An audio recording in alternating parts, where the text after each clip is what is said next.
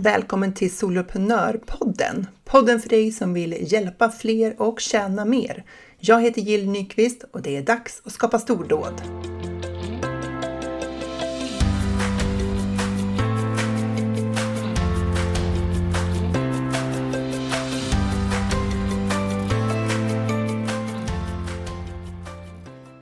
Om du hänger med här i podden över sommaren så kommer du möta en rad av mina medlemmar i Soloprenörerna som håller på och bygger sina företag online på olika sätt. Och idag ska vi prata med Anna Ros.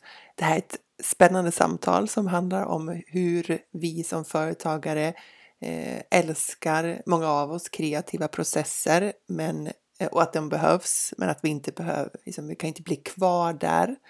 Eh, vi pratar om blockeringar och stoppers som gör att vi inte kommer vidare med det vi behöver och vill. Och Anna definierar självledarskap i tre steg, eller som tre ord.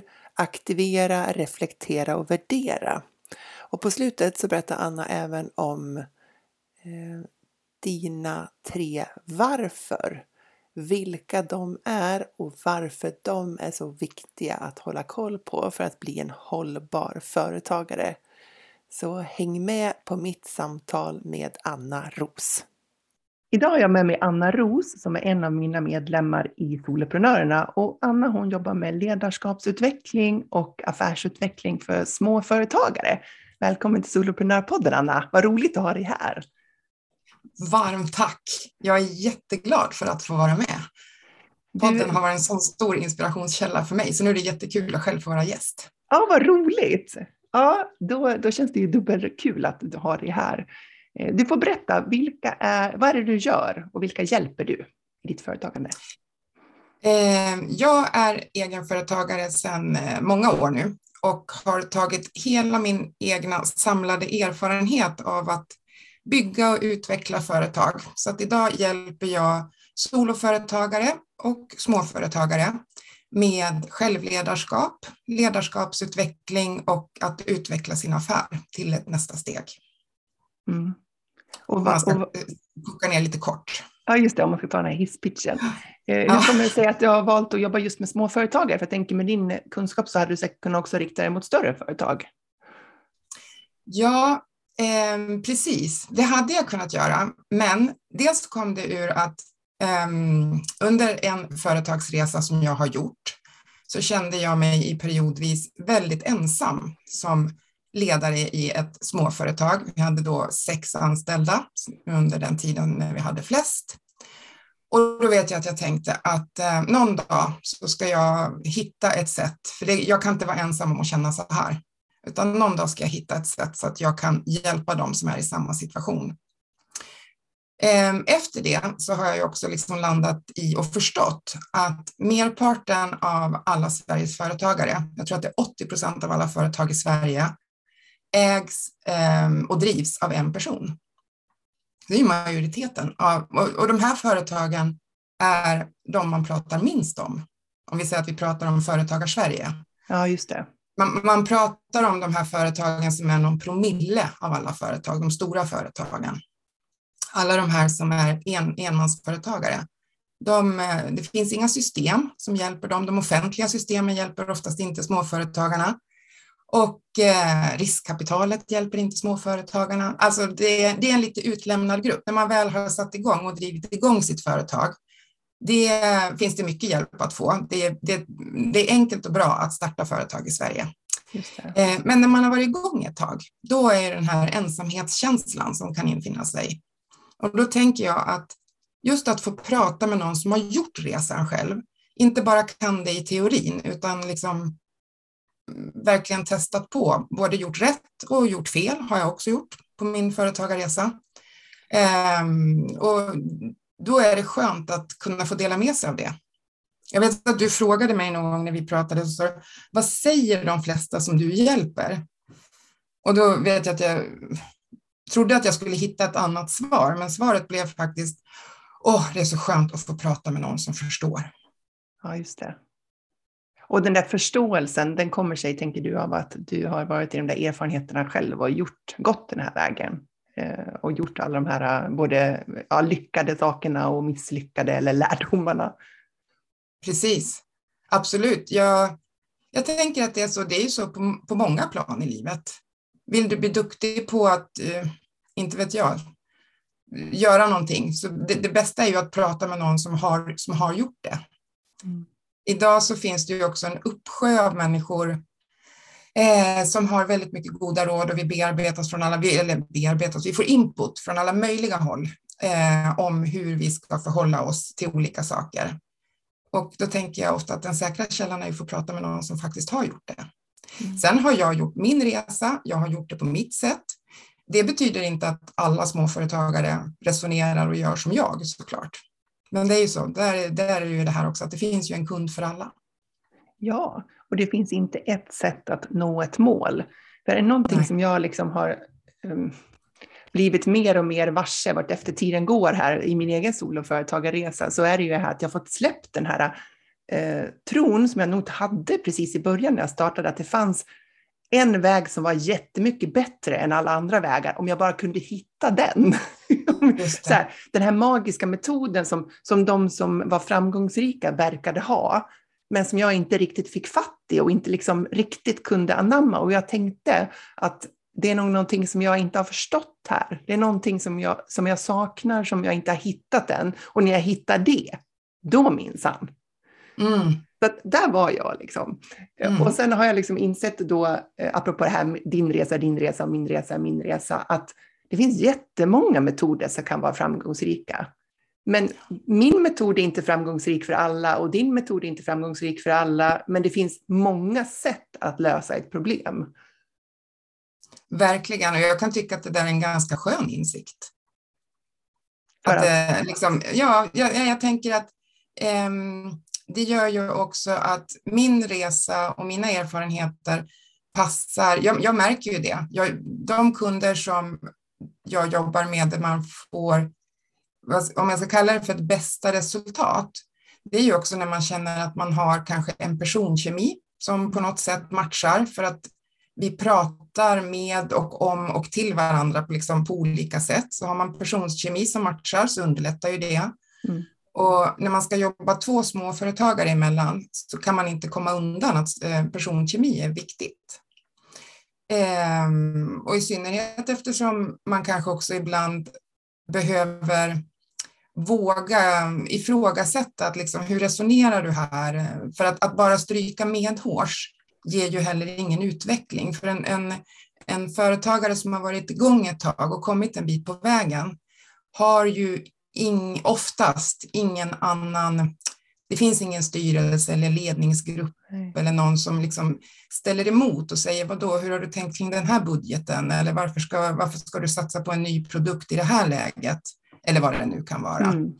Och det är ju också min roll då emellanåt att hitta ett sätt att säga att eh, här behöver vi kanske tänka två gånger. Vad är det som ska göra att du ska gå just den här vägen just nu? Mm. Eh, nu ska vi se, nu tror jag jag flög iväg lite. Var, var det det vi pratade om? Ja, ja, men jag tänker så här som en reflektion på det, att jag har ju suttit i rollen där jag faktiskt har fått lov att förankra mina idéer med andra personer när jag var anställd. Och mm. även om jag kunde tycka att det var lite frustrerande, för jag ibland inte tyckte att de förstod hur fantastisk min idé var, utan kom med massa frågor som jag tyckte var irrelevanta och irriterade mig, så kan jag verkligen se poängen av det nu när jag jämför med livet som soloföretagare. För det är precis som du säger, att eh, många jag träffar, och säkert som du också, de, det är lite så här popcornhjärnor, man har många idéer. Liksom. Och man får idéer snabbt och man blir inspirerad och engagerad och man brinner ju lite grann för sitt ämne. Det är ju därför man gör det man gör oftast. Och då blir det ju lätt att man liksom sätter många bollar i rullning men man driver liksom ingen av dem riktigt hela vägen i mål. Eh, åtminstone inte tillräckligt långt för att det ska verkligen bli en lönsamhet och en hållbarhet i erbjudandet, utan man sätter igång nästa och nästa för man går lite grann på inspiration. Och det blir man ju, man blir lite hindrad av det när man är anställd chef i ett företag, för det finns beslutsstrukturer för sånt. Eh, och eh, det är klart, en vd kan alltid liksom bestämma att så här, ja, ja, jag hör vad ni säger, men jag kommer ändå, vi kommer ändå göra det här och så kör en vd ändå. Det, det funkar ju. Men för det mesta så finns det beslutsstrukturer som saktar ner det där. Precis. Men det gör det ju inte för oss soloföretagare. Nej, så är man i den här energin, att det liksom blir mycket och mer och framåt hela tiden, så blir ju det också att över tid så behöver det finnas en hållbarhet och en ekologi, precis som du säger. Jag tycker det, de två orden är så bra för att de säger så mycket kring det här med att du som företagare är företagets absolut största tillgång. Allting börjar och slutar med dig. Definitivt när du är soloföretagare, men även i den rollen som jag hade som småföretagare. Då var det ju jag och mina anställda såklart som var tillsammans företagets största tillgång. Men den som en gång har startat ett företag och liksom tagit det här från idé till att det faktiskt blir någonting. Det, eh, allting handlar om den eller de personerna. Och då måste man också hitta ett sätt att förhålla sig till sin egen kreativitet, sin egen lust, ehm, eh, sin egen lathet kanske, eller bekvämlighet. Yes. Ja. Alltså alla de här sakerna. Man, man måste lära sig hitta ett förhållningssätt så att det blir hållbart över lång tid. Mm. Vad är det för arbete du behöver, brukar göra med dina kunder liksom för att man ska eh, bli medveten om de här sakerna och sen kunna göra någonting åt dem? Ehm, dels så kan det vara att man behöver gå in och titta på, om man inte kommer vidare så kan det ju vara eh, liksom att man går in, in i låsning.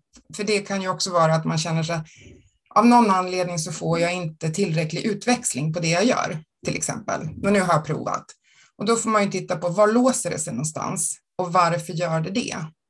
Och då är det ju nästan aldrig så att det handlar om produkten och leveransen, utan det handlar ju om företagaren. Att någonstans så hit, skapar man en blockering. Ehm, jag menar, vi är ju också funtade så. Vi, vi ska ju lite grann skapa blockeringar för oss själva för att inte gå ut där det är jätteläskigt hela tiden. Om vi pratar om den här gamla hjärnan som liksom mm. skulle hjälpa oss att överleva, så skulle vi inte utsätta oss för så mycket saker. Och det här måste man, de blockeringarna måste man ju ibland då få kon på. Så dels så kan det ju vara att hitta det och då också hitta ett sätt att lösa upp dem. För har man bara kon på dem så är det ganska enkelt faktiskt att lösa upp dem. Eh, men sen kan det också vara rätt så ofta tycker jag hjälp att plocka ner alla bollarna så att de hamnar strukturerat. Att liksom springer du på den bollen, den bollen och den bollen just nu, då ser jag det så här, då kommer det här att ske. Och då kommer det att ge dig det här och det kommer att kosta dig det här. Hur känns den matematiken, liksom den stora bilden? Mm. Istället om du tänker att man backar tillbaka, vad kan vänta, vad måste du göra nu, vad kan vänta ett halvår? Ja, lite så här struktur kring det hela. Mm. Och den senare delen, just att få hjälp med någon form av struktur, um, jag skulle säga att många av de här kreativa, när man är i den kreativa delen av ett företagande så hamnar man ganska, nu sitter jag och visar dig här, det är ja. dumt i en podd, men man hamnar lite högt upp så här, svävar lite. Och då kan man bli hjälpt av att någon så här fiskar ner en som ballongerna, man tar ner ballongerna så bara sätter vi ett gäng ballonger här och ett gäng ballonger där och så vidare. Mm. För att inte allting ska sväva och flyta. Mm. För vad händer? Ja, säg. jag tänker, ibland behöver vi hamna i det här sväva flyta tillståndet eh, för att då är vi i en väldigt kreativ process och det kanske leder oss till ett nästa steg. Mm. Men då får vi inte bli kvar där för länge, för då blir det ineffektivitet istället. Mm, vad är det som händer när vi blir kvar där i det här liksom lite flytande, övergripande idéstadiet, kreativitetsstadiet? Dels är det ju att eh, vi kan hitta på, igen då, en del stoppers så att vi får vara kvar där, för det är himla mysigt att vara där, i synnerhet om det är en superkraft att få vara i det här kreativa och skapande tillståndet. Det, det, kan det vara ungefär när du säger att man är på lagret och jobbar? Ja, exakt. För alltså, då, då är man inte i leverans utan man är i liksom förberedelse och vi måste göra det där tänker jag då, ute på lagret, men vi kan inte bli kvar där. Så att jag, ja, jag skulle Nej. säga att det är där. Det är ja. en rolig del av lagerarbetet. Just det, precis. Nej, och då, antingen så kan man ju skapa sig stoppers då, som jag sa, för att man vill stanna kvar där, för det är härligt att vara i det här kreativa. Eh, men, men sen märker jag också när jag pratar med många att till slut så växte en väldigt stor frustration och den kan nästan leda till att man börjar fundera på, men kan jag ens det här? Jag får ju ingenting gjort. För man, man, man märker ju att lagret blir aldrig en leverans, utan man är bara i det här härligt kreativa. Mm. Och eh, jag pratade med en, eh, häromdagen så pratade jag med en kvinna som jag coachar. Hon hade ett, ett väldigt tydligt behov som hon behövde lösa. Hon behövde hitta en teknisk lösning för att hennes business har tagit en, en, en ny form, eller den kommer att ta det under sommaren. Mm. Um, och då var det bara intressant att få ha en diskussion kring vad är det som gör att du inte hittar lösningen? Mm. Um, och då var det ju just att hitta hennes stopper och sen på något sätt montera ner den i bitar så att det blir liksom hanterbara munsbitar och så lägga upp en tidsplan och så hitta en rimlighet i det och tänka att kan du beta av nu en eller två munsbitar om dagen under en period, då har du kommit i mål och då har du din lösning. Mm. Precis, och ibland så behövs det någon utomstående som ställer de där kontrollfrågorna bara för att man ska göra jobbet med att organisera sig själv på det sättet. För man, på något vis, av någon anledning kommer man inte dit själv. Nej. Eh, och jag, jag har också den erfarenheten av många företagare som jag träffar, att just det där med att strukturera och organisera både den kunskapen man har men också sitt arbete och sina erbjudanden och så är någonting som många har svårt för att komma till det steget. Ehm, men skulle du säga att eh, många företagare som du möter är ehm, luststyrda. För jag tänker, vi startar ju företag ofta utifrån att vi har en väldig passion för någonting. Vi vill verkligen jobba inom ett ämne och vi tror på det, nischen eller branschen eller ämnet. Och eh, vi vill hjälpa människor med det. Ehm, och utifrån det så är vi passionerade och styrs liksom av lusten av att skapa i det här.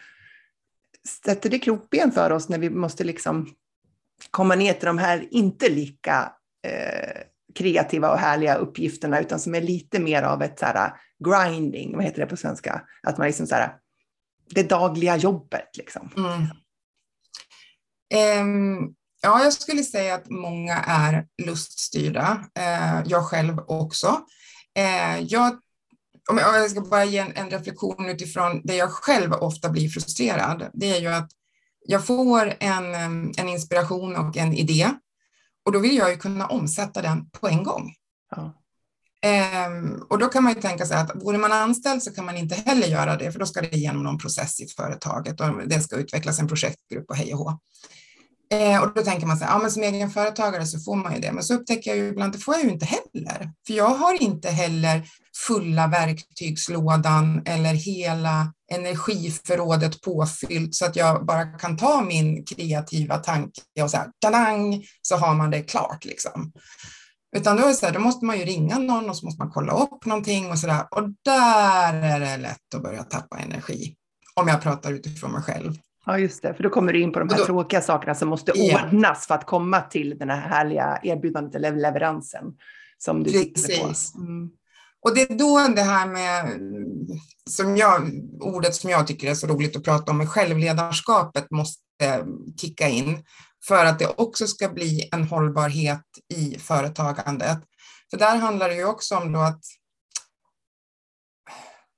ja, vad ska man säga då, att lära sig att managera sin kreativitet och, sin, och alla sina känslor. Mm. För att, att jobba upp sig och komma på någonting som man själv tycker är briljant, för att sen lite dyka, för man inser att jag kan inte ordna det här på en gång, eller det kommer att ta ett halvår för mig att iscensätta det här. Mm. Och då blir det ju också att eh, här finns det ju inte heller någon stödfunktion, utan det är ju me, myself and I som får ta hand om det här då. Mm. Och då, då blir det ju också att liksom hitta ett sätt att managera känslan, att liksom fånga upp den, för den får inte försvinna, för det är ju någonting bra, det har jag ju liksom känt. Mm. Um, och sen placera in den i en process, men en process som ju då funkar för mig. Så att man liksom ändå ser till att den här faktiskt blir av. Och så får jag ju jobba med, själv, med mig själv och tänka att men gud vad härligt, sex månader kommer det att ta. Ja, oh, gosigos på den! Ja, precis. Det är en bra sak. Ja, det är en bra sak. ja. Ja, precis. Självledarskap, sånt är jag ju också väldigt intresserad av. Vad, hur skulle du, vad skulle du säga att självledarskap är för någonting om man skulle ge det en definition, så som du ser det? Ehm, jag brukar säga att om jag ska beskriva självledarskap i korthet, lite grann då från ett företagarperspektiv, så mm. tänker jag att det är att man har förmågan att aktivera, att reflektera och sen så brukar jag faktiskt också kasta in ordet värdera. Aktivera, reflektera och värdera. Ja. Kan du inte säga något kort om respektive då? Aktivera, vad är det? Jo, att aktivera så tänker jag just det här att, skapa en action. Vi som företagare kan inte sitta och vänta på att någonting ska hända, utan vi behöver ju aktivera oss själva och vi behöver ta våra tankar till handling. För det räcker inte med att vi tänker bra tankar. Um, ja, nu ska jag inte hamna på ett sidospår på den, eh, utan vi behöver liksom ta tanken och se till att det händer. Vi behöver skapa våra egna momentum. Mm. Eh, ibland får man momentum i sitt företag och ibland behöver man skapa momentum. Eh, att reflektera så är det ju just det här att hela tiden kunna köra en avstämning med sig själv. Och det kan ju vara allt ifrån att man, man har en riktigt dålig dag. Och då får man ju göra liksom en avstämning med sig själv. Finns det någonting jag kan göra idag som tar mitt företagande framåt? Um, kanske inte det jag hade tänkt, för det är inte en sån dag idag. Finns det någonting annat jag kan göra? Eller ska jag inte göra någonting alls uh, en stund för att se om det blir bättre av det? Att liksom hela tiden ha den här temperaturmätaren mot sig själv. Samtidigt som att det får ju inte heller bli ett totalt tillbakalutat läge. Men jag tänker att vi behöver reflektera för att ha någon slags avstämning och omtanke om oss själva. För att bara piska hjälper inte, bara bakåtlutad fåtölj hjälper inte heller. Mm.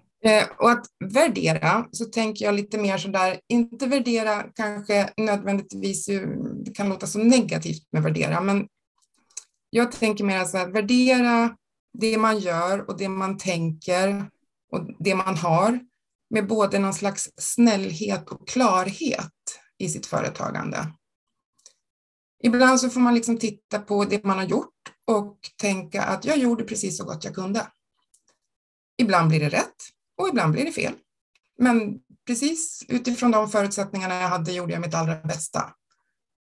Och det är ju fortfarande att liksom göra en värdering av den insats man har gjort men den behöver inte vara eh, att klanka på sig själv, eh, utan att liksom visa någon slags omtanke i det här. Men jag tror fortfarande att vi måste också våga värdera.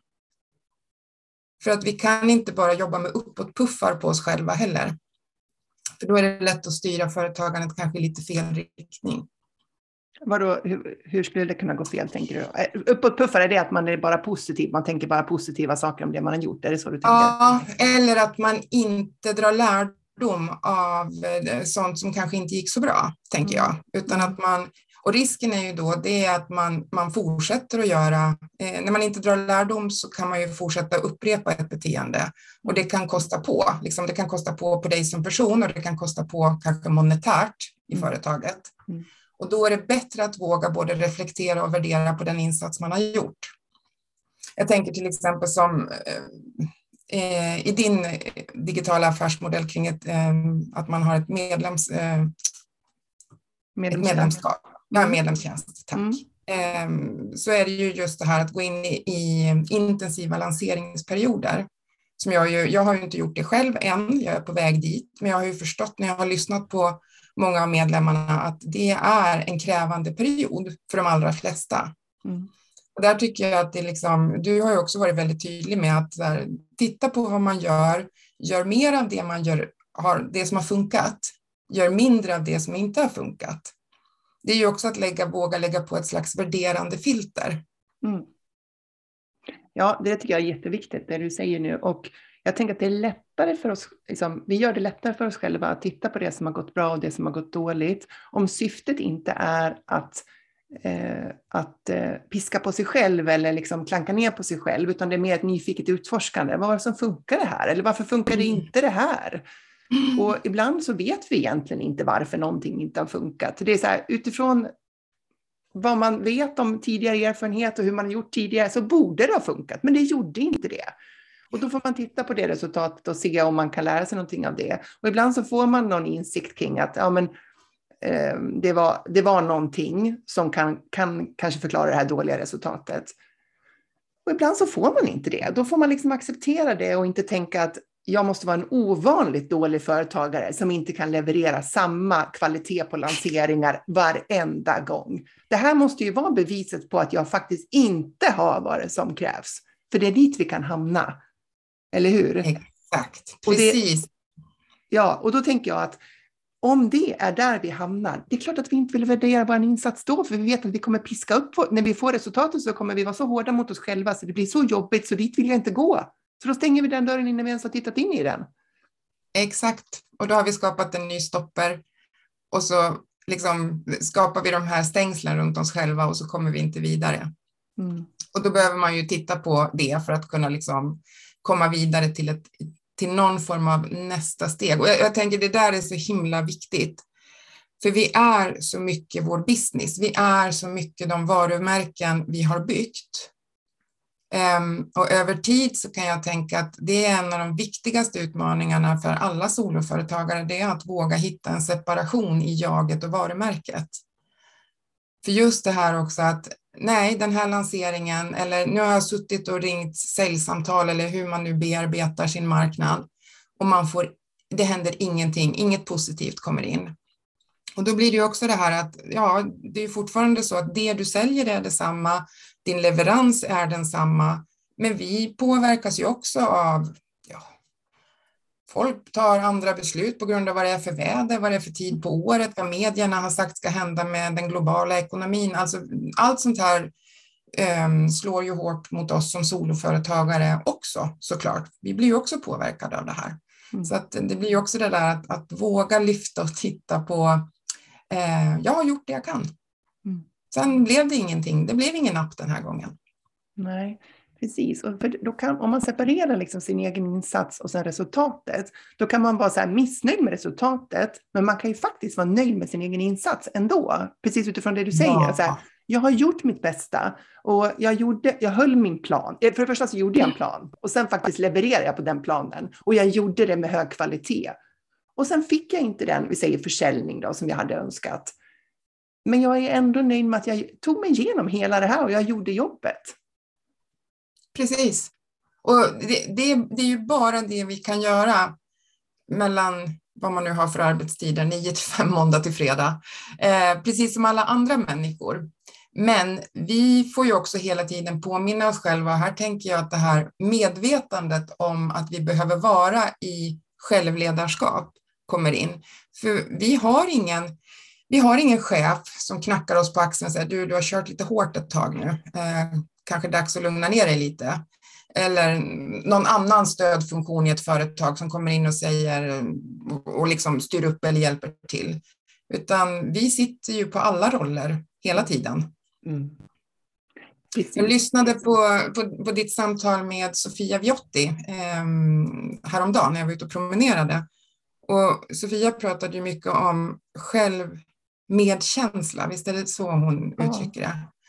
Och den tyckte jag var så fin, för det tänker jag också är en, just en del i det här med självledarskapet, att, att visa någon slags medkänsla om oss själva. Mm. Att vi ska fira när det går bra och sen får vi vara snälla mot oss själva när det inte går så bra. Samtidigt som vi måste våga titta lite sådär med, i klartext på vad det är vi har gjort för att lära oss. Och den enda anledningen tycker jag till att vi ska dra lärdomar, det är ju att vi ska vara hållbara över lång tid och inte fortsätta upprepa misstag. Mm. Utan finns det någonting man kan förändra så ska man göra det. Sen är det ju så här att ibland så behöver man bara fortsätta och fortsätta och fortsätta, tugga på. Mm.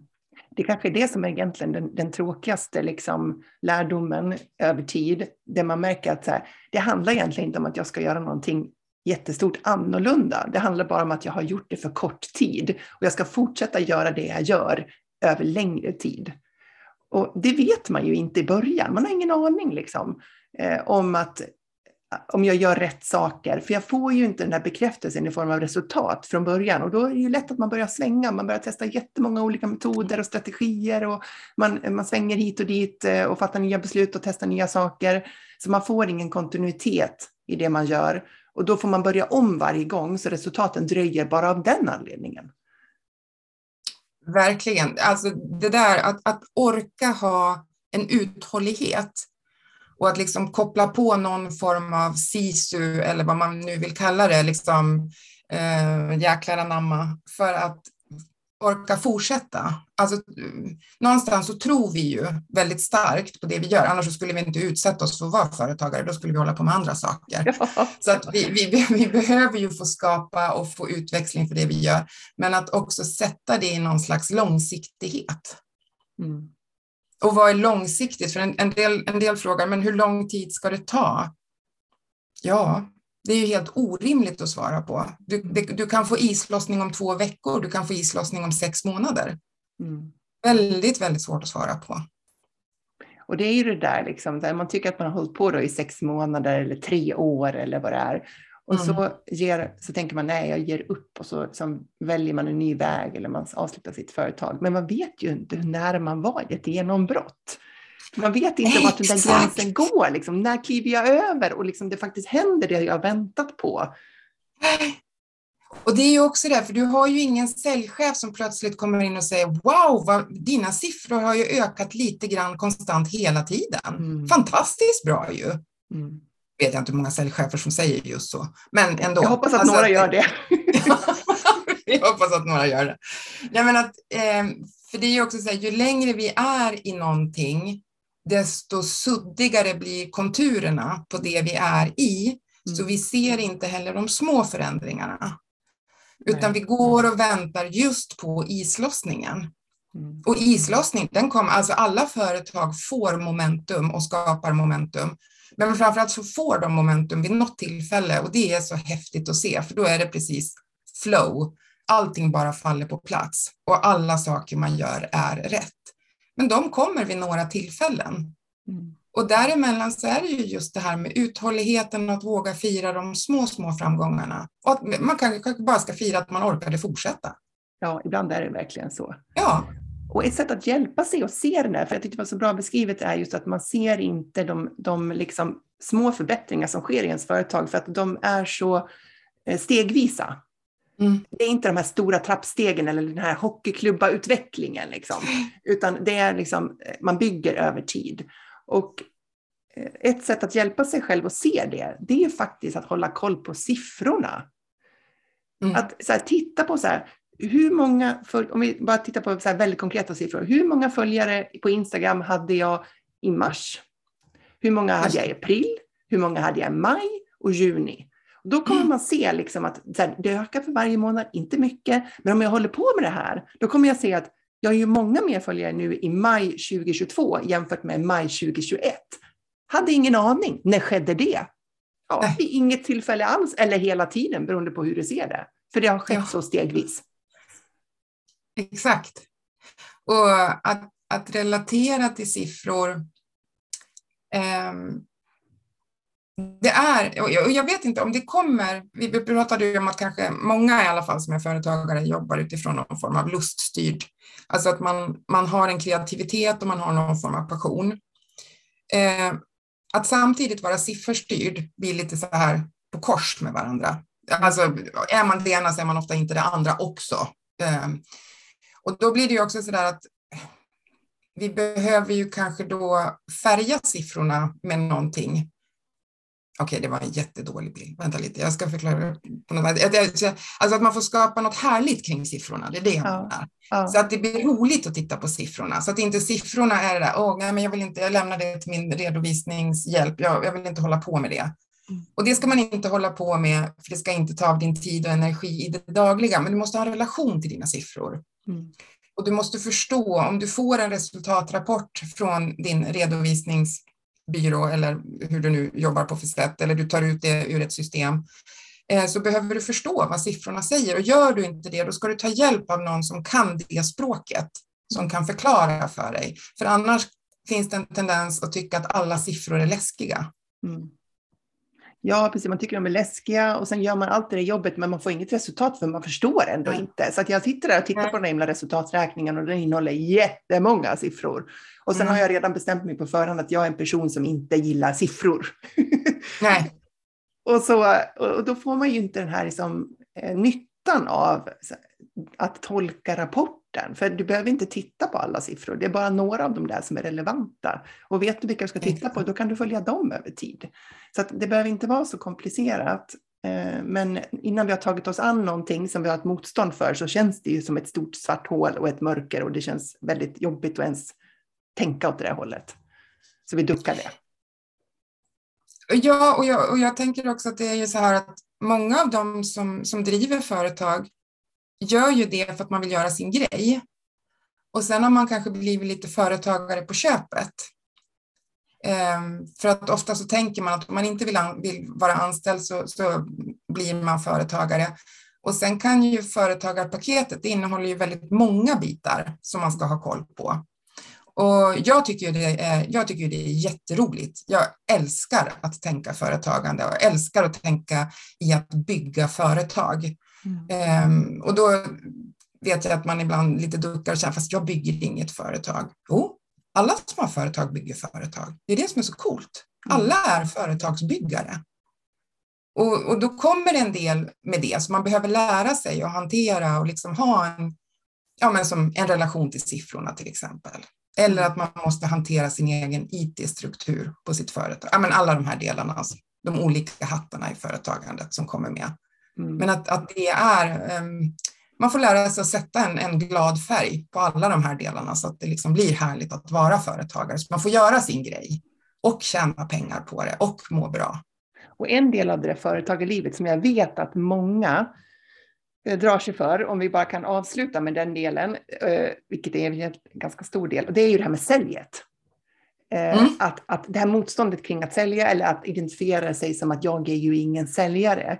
Och där sa du till mig inledningsvis att man, här, man kan se sitt eh, sälj och sitt erbjudande i ett större perspektiv. Vad var det du menar med det? Jo, men jag tycker att när man lyfter sin affär ut, eh, bort ifrån bara det här att jag levererar det här till min kund, så har jag sett att många blir hjälpta och får liksom en annan relation till sitt sälj. När man börjar tänka på att jag som företagare, jag hjälper min kund, men genom att hjälpa min kund så blir den, den kundens kunder också hjälpta. Eh, kanske kan man tänka att jag bidrar till BNP vilket gör att det kommer in mera skattemedel till Sverige, vilket är positivt för vård, skola, omsorg. Mm. Alltså att vi kan lyfta vår affär. Eh, jag tänker att både du och jag hjälper företagar-Sverige till att få mer och fler hållbara företagare. Mm. Sverige mår bra av att eh, fler vill driva och vara företagare och framför allt att fler vill vara företagare över lång tid. Sen behöver inte alla bygga stora bolag som ska ha anställda, för du och jag, vi köper tjänster av andra företagare, då bidrar vi till deras verksamheter. Mm. De kan sova bättre om natten, vi kan sova bättre om natten. BNP blir glad igen. Ja, mm. så. Ja, precis. För då vi... tänker jag, ja. jag tänker att ibland så är det en bra övning för att när vi, när vi startar företag, då är vi väldigt mycket i vad ska jag sälja, till vem ska jag sälja och hur ska jag sälja det? Eh, över tid när man har fått igång den processen, förhoppningsvis, eh, annars blir det inte över tid. Nej. För inget sälj, ingen verksamhet, det är ju också ganska enkelt. Men då kan det, jag, jag märker det hos många och framförallt hos kvinnor som jag möter, att man behöver få in ett högre perspektiv. Mm. Så jag brukar prata om att man måste ha koll på sina varför. Att man har ett makrovarför, ett mikrovarför och ett egovarför. Mm. Makro, det är ju det här, vad bidrar jag med till världen med att vara företagare inom min nisch till exempel. Mm. Makro, det är ju varför vill jag göra det här varje dag istället för att vara anställd?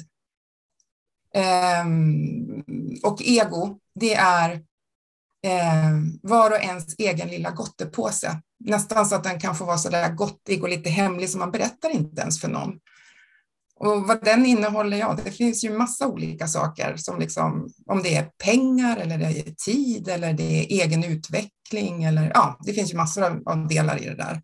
Mm. Men att man liksom sätter ett, ett högre, ett mellan och ett litet ego varför till varför man vill vara företagare.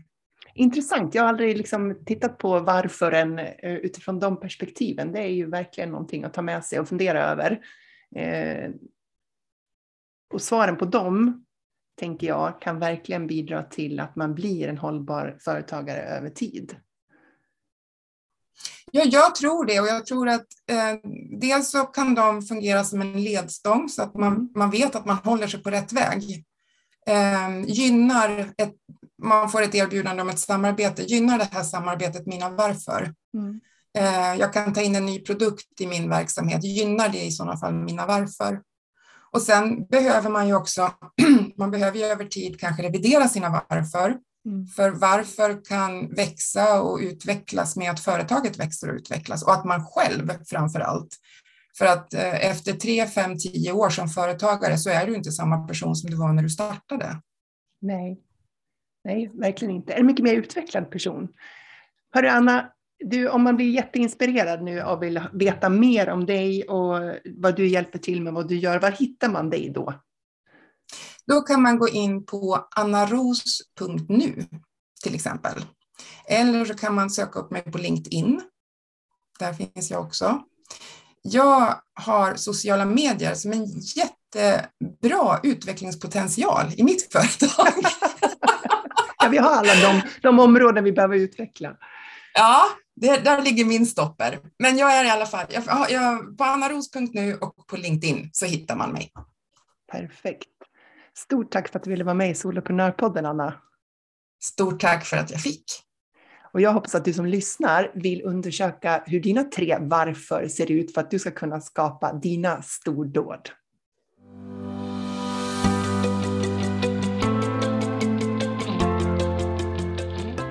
Stort tack för att du lyssnar på Soloprenörpodden. Jag är så glad att ha dig här. Du får jättegärna lämna mig en review på iTunes och ratea podden. Ge den fem stjärnor om du tycker att den är värd det, så hjälper du mig att sprida den till fler. Eller varför inte ta en skärmdump på det här avsnittet och tagga mig på en story på Instagram, solopreneur.nu.